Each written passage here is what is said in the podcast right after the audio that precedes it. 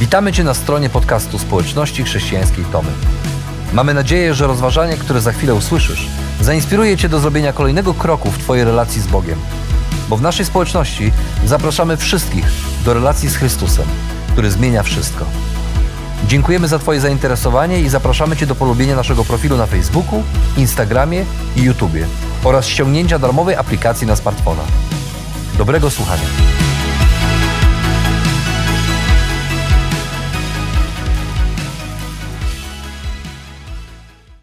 Kto z nas choć raz nie słyszał tej piosenki?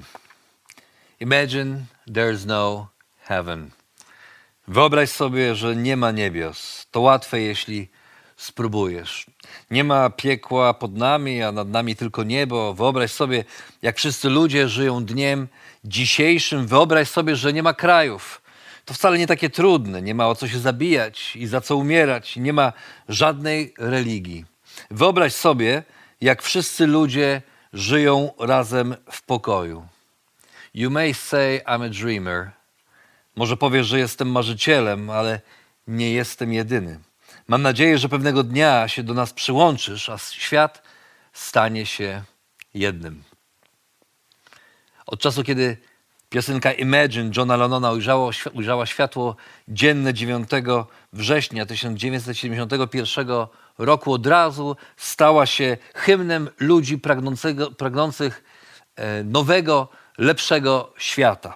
Śpiewano ją na wiecach, i placach. Śpiewano ją w zaciszu domowych spotkań, przy ogniskach harcerskich. Jej siłą była powszechna w ludziach tęsknota za światem, bez bólu, bez cierpienia, bez podziałów, wojen, bez religii nawet.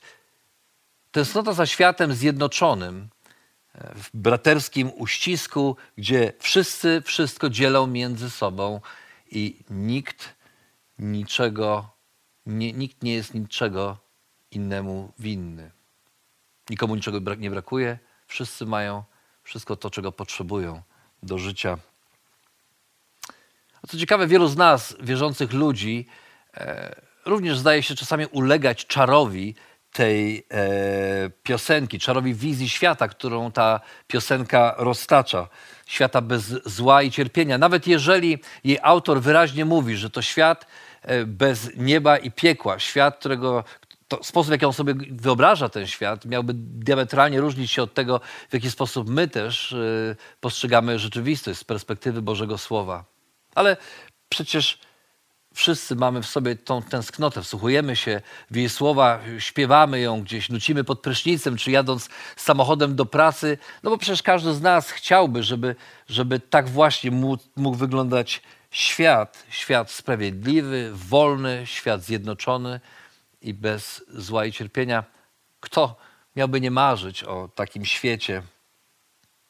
A może nawet y, zaryzykowałbym stwierdzenie, że, że również my, jako wierzący ludzie, mamy taką swoją wersję y, Imagine. To taka wersja y, piosenki, w której mówiąc imagine, wyobrażamy sobie świat y, tak, jak powinien być poukładany w kontekście Bożego Królestwa, które weszło na ten świat razem z przyjściem Jezusa. I kiedy Jezus wchodzi na świat, razem ze sobą wnosi rzeczywistość Bożego Królestwa i czytamy Ewangelię i dajemy się ponieść wizji tego świata. Świata, który, który zdaje się roztaczać przed nami Jezus. Królestwa niebios, w którym niemożliwe staje się możliwe, zło ustępuje przed dobrem, a cierpienie staje się zaledwie przykrym wspomnieniem minionych czasów. Przynajmniej tak to interpretujemy, przynajmniej w taki sposób tworzymy swoje imagine, które podśpiewujemy sobie pod nosem za każdym razem, kiedy czytamy Jezusową, Chrystusową wizję Bożego Królestwa. Tak ją przynajmniej rozumiemy. Ale wystarczy rozejrzeć się wokół siebie – i nikogo z nas nie trzeba specjalnie przekonywać, że ta wizja świata bez zła i wojen e, zupełnie nie odpowiada rzeczywistości, w której na co dzień się poruszamy. I co jakiś czas w każdym z nas, jako wierzącym człowieku, ale też niekoniecznie wierzącym, w każdym z nas rodzi się takie pragnienie, żeby coś z tym zrobić, żeby, żeby zmienić ten świat na lepsze, żeby zło zostało raz na zawsze wyplenione z tego świata, żeby dobro zwyciężyło. Ale wydaje się, że pomimo naszych wysiłków zła specjalnie nie ubywa, świat wcale nie staje się lepszy, a wizja świata, w którym zło przegrywa, wciąż wydaje się utopijną mrzonką. I, i wówczas również jako wierzący ludzie zadajemy sobie pytanie o sens naszych wysiłków. Czy to ma sens? Czy taka wizja świata, świata, w którym Boże Królestwo rozprzestrzenia się na ziemi, w ogóle jest możliwe? A jeżeli tak, to jakby to miało się wydarzyć? I w tej naszej tęsknocie za taką wizją Królestwa Bożego, rozszerzającego się po całym świecie, jesteśmy bardzo podobni do ludzi sprzed dwóch tysięcy lat, którzy również mieli swoje imagine. Nucili je czytając proroctwa zapisane w starożytnych księgach o Mesjaszu, wybawicielu, który przyjdzie i, i, i na zawsze odmieni ich los. Im cięższe było jarzmo rzymskiej okupacji, tym głośniej to starotestamentowe imagine. Wyobraźcie sobie, jak będzie, kiedy Mesjasz przyjdzie, rozbrzmiewało e, po synagogach i w synagogach i po domach. Imagine. Śpiewali, wo, śpiewali i wyobrażali sobie przyjście Mesjasza jako potężnego króla na białym koniu, który przepędzi Rzymian i ustanowi królestwo, w którym to oni będą rządzić światem. Imagine. Zachęcali się głosami ledwo skrywającymi euforię, snując wizję świata, w którym wraz z przyjściem Mesjasza skończy się panowanie zła, cierpienia i chorób. Imagine. Dodawali sobie otuchy w chwilach zwątpienia, wierząc, że to nadejście Mesjasza jest tuż, tuż, a wraz z nim zmieni się cały świat. Jakież było ich zdziwienie, kiedy już na samym początku tej historii okazało się, że ten, który nazywał siebie Mesjaszem, e, nie urodził się w okazałym pałacu, ale w śmierdzącej łajnem stajni, e, w jakiejś dziurze zabitej dechami że nie przybył na białym koniu, ale chodzi na piechotę od wioski do wioski, nauczając, uzdrawiając i spędzając czas z tymi, których nikt specjalnie nie zapraszał do swojego domu. I że jego wizja Bożego Królestwa zdaje się różnić znacząco od ich imagine. O tej wizji Jezus najpełniej nauczał, najpełniej nauczał w przypowieściach, czyli ziemskich historiach o niebiańskim znaczeniu. W Ewangelii Mateusza już, już w pierwszej z tych przypowieści o, o czworakiej roli Jezus pokazał, że Królestwo Boże nie wkracza na siłę, ale raczej rozprzestrzenia się poprzez głoszenie Ewangelii, poprzez sianie słowa i ludzie mają możliwość przyjęcia go, ale mają też możliwość je odrzucić. A następna przypowieść jeszcze bardziej miała wstrząsnąć wyobrażeniami ludzi o tym, jak to Boże Królestwo powinno wyglądać. Czytamy, opowiedział im też inną przypowieść. Królestwo niebios przypomina człowieka, który na swej roli posiał dobre ziarno. Lecz kiedy ludzie spali, przyszedł jego nieprzyjaciel. Nasiał tam konkolu i odszedł. Gdy zboże podrosło i zawiązały się kłosy, pokazał się też konkol. Przyszli więc służący i pytają gospodarza: Panie, zdaje się, że obsiałeś rolę dobrym ziarnem. Skąd się tam wziął konkol? To sprawka nieprzyjaciela, odpowiedział. Czy chcesz więc zaproponowali, byśmy poszli i usunęli go? Nie, zdecydował gospodarz, bo usuwając konkol, moglibyście powyrywać pszenicę. Niech rosną razem, poczekamy do żniw, a wtedy Powiem żeńcom, zbierzcie najpierw konkol, powiążcie go w snopy i spalcie. Pszenicę natomiast przenieście do mego spichlerza.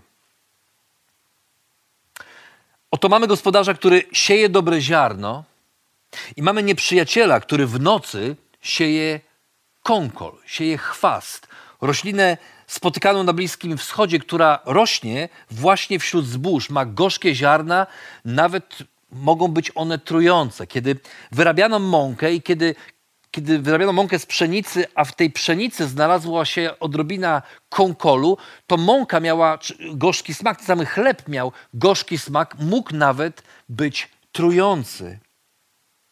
Dlatego troska służących o to, żeby wyrwać konkol z pola pełnego pszenicy, jest jak najbardziej zrozumiała.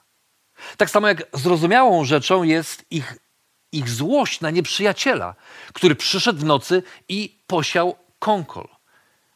Prawo rzymskie zna przypadki właśnie takiego złośliwego obsiewania pola sąsiada konkolem w nocy. One były karane oczywiście. Więc nic dziwnego, że służący denerwują się, czy mają złość, są, są, są, są źli na takiego nieprzyjaciela i mówią, trzeba, trzeba go pogonić, trzeba wyrwać te chwasty, trzeba pogonić tego nieprzyjaciela. Ale to, co niezrozumiałe w tej historii, to niechęć gospodarza do natychmiastowego wyrwania chwastów. Nie, czytamy, zdecydował gospodarz, bo usuwając kąkol, moglibyście powyrywać pszenicę. Niech rosną razem, poczekajmy do żniw. Co to za gospodarz? Który nie chce oczyścić swojego pola z chwastów i decyduje się czekać do żniw. Moglibyśmy zadać pytanie, co to za gospodarz? Odpowiedź brzmiałaby taki, który zna się na roli lepiej niż ktokolwiek inny. Bo wystarczy spojrzeć na zdjęcie konkolu i pszenicy. Kiedy patrzymy na niedojrzały konkol i niedojrzałą pszenicę, to łatwo jest zauważyć to, że są one bardzo trudne do rozróżnienia. Chcąc wyrwać jedno, z łatwością można wyrwać i drugie. Do tego ich korzenie są ze sobą poprzeplatane, poprzerastane, także wyrywając pszenicę, wyrywamy konkol i na odwrót. Wyrywając konkol możemy w bardzo łatwy sposób zniszczyć pszenicę. Trudno jest jedno od drugiego oddzielić. Dopiero dojrzałe, dojrzały konkol i dojrzała pszenica, jak widzicie na drugim zdjęciu, one dają się już lepiej rozróżnić, a i tak, kiedy spojrzymy na to, jak one rosną obok siebie czy między sobą, tak jak na tym kolejnym zdjęciu, to sami zobaczycie, że bardzo trudno jest odróżnić jedno od drugiego.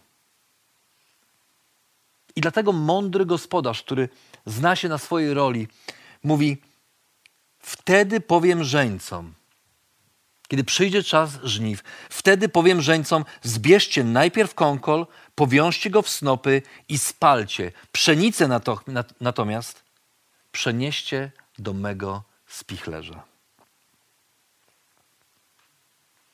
I ta przypowieść, która jest właśnie opisem rzeczywistości Bożego Królestwa, była na tyle niezrozumiała dla uczniów, że e, kiedy znaleźli się z Jezusem na osobności, poprosili, żeby im ją wyjaśnił. I Jezus odpowiedział: Osobą, która sieje dobre ziarno, jest syn człowieczy. Rolą jest świat. Dobrym nasieniem są synowie królestwa. Konkolem są synowie złego. Nieprzyjacielem, który rozsiał konkol, jest diabeł. Żniwem jest kres tego wieku, a żeńcami aniołowie. U kresu tego wieku będzie tak jak z konkolem, który zbiera się i pali. Syn człowieczy pośle swoich aniołów, a ci zbiorą z jego królestwa wszystkich, którzy wywoływali skandale i dopuszczali się bezprawia. A potem wrzucą ich do ognistego pieca. Tam, mówi Jezus, będzie płacz i zgrzytanie zębami. Wtedy, wtedy sprawiedliwi wzejdą jak słońce w królestwie swego Ojca. Kto ma uszy, niech rozważy moje słowa. Innymi słowy, Jezus mówi: Do dnia sądu, do dnia, w którym syn człowieczy przyjdzie powtórnie i osądzi wszystkich ludzi, do tego dnia dobro i zło będą rosły obok siebie i to nie my, nawet w naszych najszczerszych intencjach, ale to nie my, ale Bóg pewnego dnia oddzieli jednych od drugich, złych od dobrych. A co z tego wynika dla nas? A może przede wszystkim to, że powinniśmy trochę zweryfikować, zmodyfikować, zmienić albo porzucić nasze imagine, w którym wyobrażamy sobie Królestwo Boże jako miejsce, w którym nie będzie zła, w którym, w którym dopóki tu, tu żyjemy na ziemi, to Królestwo wejdzie i wszystkie, całe zło zniknie, i cierpienia nie będzie, i bólu nie będzie, i płaczu nie będzie. Okazuje się, że to wcale nie jest wizja funkcjonowania czy postępowania Boże, Bożego Królestwa w tym świecie. Jezus mówi, że chociaż Królestwo Boże przyszło w Jego osobie na ten świat, to zło jest i pozostaje ciągle częścią naszego życiowego doświadczenia. Zło przeplata się z dobrem. Nawet czasami trudno je od siebie odróżnić. Może nosić pozory dobra i próbując je usunąć, możemy czasami niechcący usunąć również to, co dobre. Dlatego Jezus zaleca wstrzemięźliwość i mówi: Poczekajcie. Przyjdzie taki dzień, kiedy usuną, usunięte zostaną wszystkie chwasty. Całe zło zostanie zniszczone, spalone, ale zanim ten dzień nadejdzie, bądźcie rozsądni w tym, jak tropicie zło. Być może Jezus próbuje nam powiedzieć, że e, tak jak w tamtym czasie, 2000 lat temu, e, próbuje, próbował powiedzieć tamtym ludziom, że ich wyobrażenie o królestwie jest nieco inne od tego, jak, jak, jak on chce to królestwo pokazać. I że tak samo my dzisiaj być może żyjemy w takim poczuciu, że, że jako, zwłaszcza jako wierzący ludzie, powinniśmy całą energię e, władować w to, aby, aby szukać, e, gdzie jest grzech, aby szukać, gdzie jest zło, aby rozglądać się i wyrywać chwasta za każdym razem, kiedy widzimy, jak zło pojawia się w życiu innych ludzi. I być może jest to związane z taką utopijną wizją świata, w którym wyobrażamy sobie, że jeżeli tylko będziemy wystarczająco dużo próbować, jeżeli tylko będziemy wystarczająco starać się zidentyfikować zło i wyrwać to zło, to świat będzie światem wolnym od zła, wolnym od grzechu, wolnym od cierpieniu, cierpienia. Okazuje się, że to nie jest nawet do końca, nie tylko nie jest to możliwe, ale Jezus mówi, to nie jest plan na działanie Bożego Królestwa. Więcej. Jezus poucza nas, żebyśmy przypadkiem nie brali się za wyrywanie chwastów, że to nie jest nasze zadanie, bo możemy się srogo pomylić. Tak jak w przypadku pewnej szesnastoletniej dziewczyny, wychowanej w kościele, która właśnie w wieku 16 lat miała za sobą wszystko, czego młoda dziewczyna może w tym wieku doświadczyć. Od czasu do czasu pojawiała się na nabożeństwach, tam też chodziła jej rodzina, e, bliższa i dalsza. E, czasami pojawiała się na nabożeństwach, ale prawdę mówiąc, więcej czasu, czy większość czasu spędzała na imprezach z przyjaciółmi, w klubach i barach. Starsi wspólnoty, patrząc na nią, nie mogli pozwolić, aby e, taka dziewczyna, szesnastoletnia, szesnastolatka szargała dobre imię jej, ich społeczności.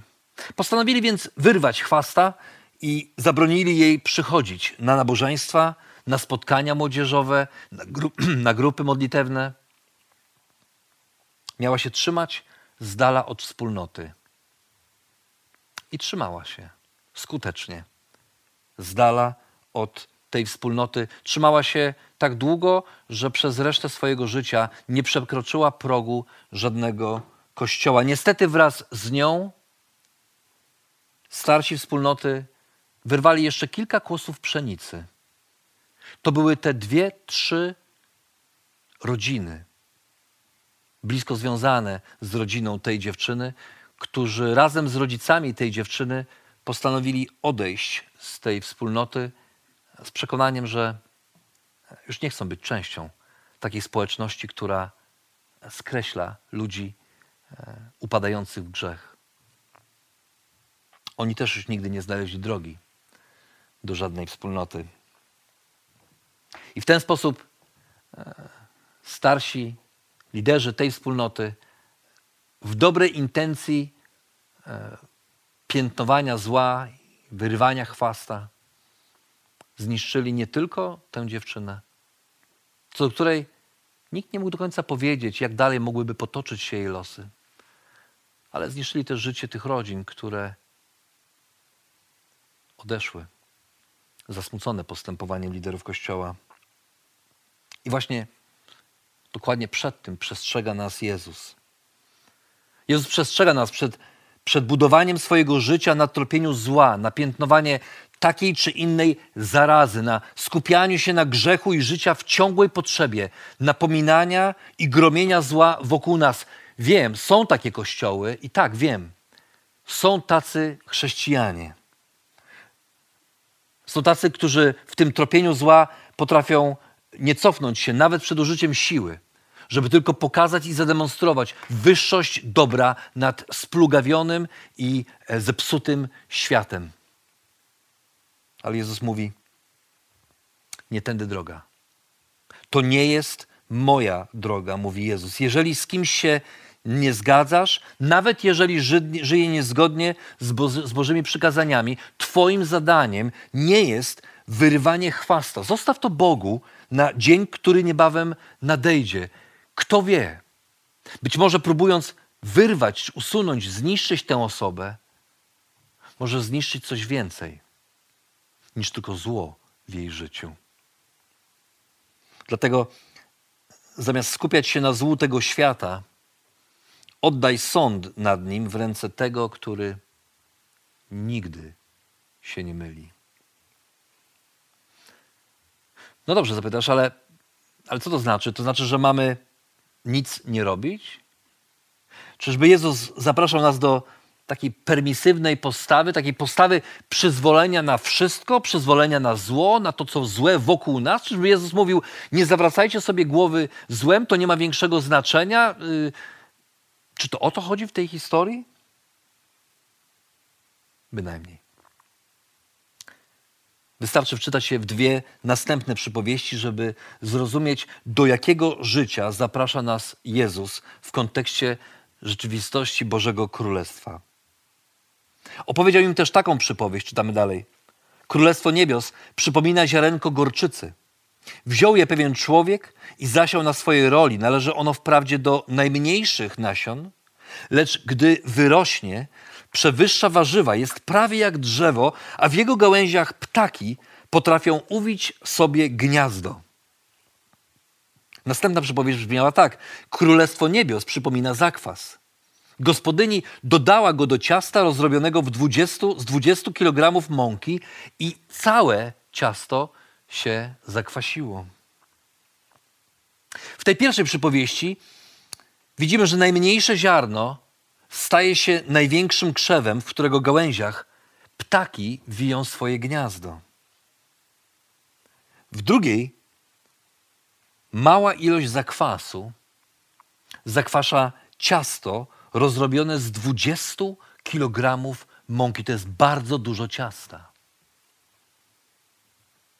W jednym i drugim przypadku to, co łączy te przypowieści, to fakt, że, z, że coś małego, niepozornego rozrasta się ponad miarę tak, że wpływa na innych, a inni albo korzystają z obecności krzewu, albo nie mogą oprzeć się działaniu zakwasu. I właśnie tak działa królestwo. Wiosną 2004 roku dziesięcioletni Austin Goodwine oglądał film, na którym pokazano dzieci w Afryce. I to były, była konkretna grupa dzieci. Były to sieroty po rodzicach zmarłych na AIDS. Austin zdał sobie sprawę z tego, że te dzieci tak naprawdę w niczym się od niego nie różniły. Poza tym, że nie miały przy sobie najbliższych sobie ludzi. I podczas Światowego Dnia Walki z AIDS w 2004 roku postanowił rzucić 2057 rzutów osobistych do kosza, które miały reprezentować 2057 siedmioro dzieci osieroconych podczas tego jednego dnia. Podobno tyle właśnie w tamtym czasie dzieci traciło swoich rodziców w wyniku AIDS. Przyjaciela, przyjaciele i rodzina zasponsorowały y, Ostina i w ten sposób Austin na pierwszym takim wydarzeniu zebrał 3000 dolarów, które natychmiast przeznaczył na pomoc dla tych dzieci. I w ciągu następnej dekady działanie Ostina zmieniło się w największy na świecie maraton rzutów osobistych do kosza, zwany Hoops of Hope, podczas którego uczestniczy ponad 40 tysięcy osób z 25 krajów. I od tamtego grudnia, od tamtego pamiętnego grudnia 2004 roku ponad, e, Hoops of Hope zebrało ponad 4 miliony dolarów dla dzieci osieroconych w wyniku AIDS w Afryce, a sam Austin napisał dwie książki i dziś pracuje jako lider młodzieżowy w jednym z kościołów w Waszyngtonie. Bo tak właśnie działa królestwo. Można, można spędzić lata piętnując ludzi chorych na AIDS. Można urządzać krucjaty na rzecz ich ukarania, na rzecz ich przymusowego leczenia. Można urządzać krucjaty na rzecz e, e, być może niewłaściwego stylu życia, e, z powodu którego zarażają się wirusem, wirusem HIV, który prowadzi do, prowadzi do choroby. Można narzekać, że źli rodzice krzywdzą bezbronne dzieci, niewinne dzieci. Można to robić. I można próbować wyrwać chwasty, ale można też zrobić coś dla tych dzieci. Zamiast skupiać się na złu tego świata, można zrobić coś dobrego dla tych, którzy cierpią z powodu zła. I tak właśnie działa królestwo. Zamiast wyrywać chwasty, sieje swoje ziarna które choć niepozorne na początku, stają się wielkie po czasie, a ich wpływ zmienia rzeczywistość wokół nas. I tak było właśnie wtedy, kiedy kilku prostych rybaków z Galilei zaczęło głosić Chrystusa w Jerozolimie, Judei i aż po krańce ziemi, ponieważ tak nakazał im ich Pan. Tak było, kiedy rozproszeni w wyniku prześladowania chrześcijanie zakładali małe wspólnoty, które później rozrastały się i wywierały wpływ na miasta i miasteczka, w których się znajdowały. Aż zamiast tępić chrześcijan w Cesarstwie Rzymskim, postanowiono uczynić z niego religię państwową. Tak było wtedy, kiedy kilkoro chrześcijan zaczęło zbierać ze śmietników porzucone dzieci, najczęściej dziewczynki, albo chore dzieci, niepełnosprawne, aż w końcu prawnie zaczęto chronić każde dziecko, zabraniając wyrzucania dzieci na śmietnik. Tak było, kiedy jeden niemiecki mnich przybił 95 test na drzwiach kościoła w Wirtemberdze i powiedział dosyć. Trzeba wrócić do słowa, trzeba przetłumaczyć y, Pismo Święte na języki narodowe, tak żeby prości ludzie, zwykli ludzie, każdy człowiek mógł je czytać. I tak się stało. Przetłumaczone na języki narodowe Pismo Święte zmieniało bieg życia nie tylko religijnego, ale też społecznego i politycznego całych społeczeństw. Tak było też wtedy, kiedy garstka, dosłownie, garstka chrześcijańskich intelektualistów, nie mogła patrzeć dłużej na zbrodniczy proceder niewolnictwa i po wielu, wielu latach doprowadziło, doprowadzili do uchwalenia prawa znoszącego niewolnictwo w Anglii, a potem poszło już jak domino. Po Anglii kolejne kraje doprowadzały do zniesienia niewolnictwa. I tak to, co zaczęło się jako mała inicjatywa wielkich ludzi w jednym kraju, odmieniło losy milionów ludzi na całym świecie.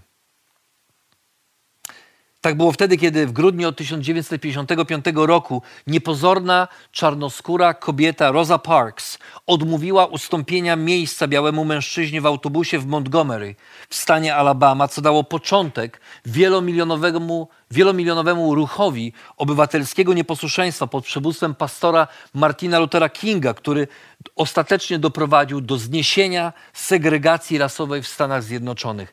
Tak właśnie działa królestwo. No, zaczyna się od małych rzeczy, ale rozrasta się i staje się niemożliwe do powstrzymania.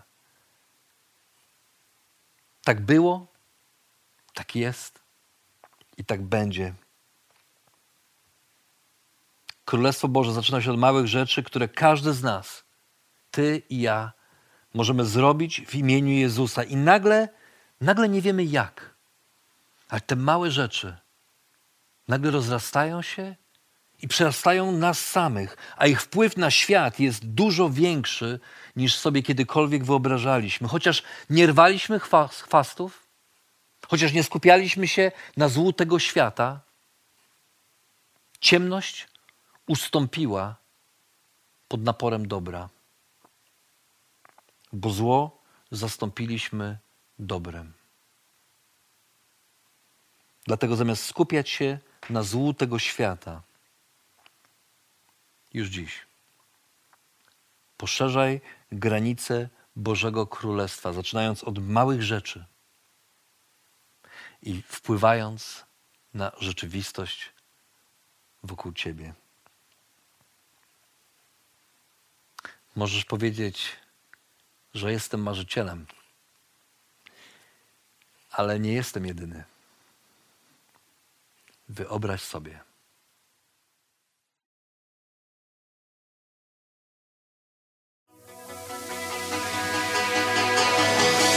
Jeszcze raz dziękujemy za wysłuchanie naszego rozważania. Jeżeli mieszkasz w okolicach Tomaszowa Mazowieckiego lub Łodzi, zapraszamy Cię do odwiedzenia nas na niedzielnym nabożeństwie. Więcej informacji znajdziesz na stronie schatomy.pl.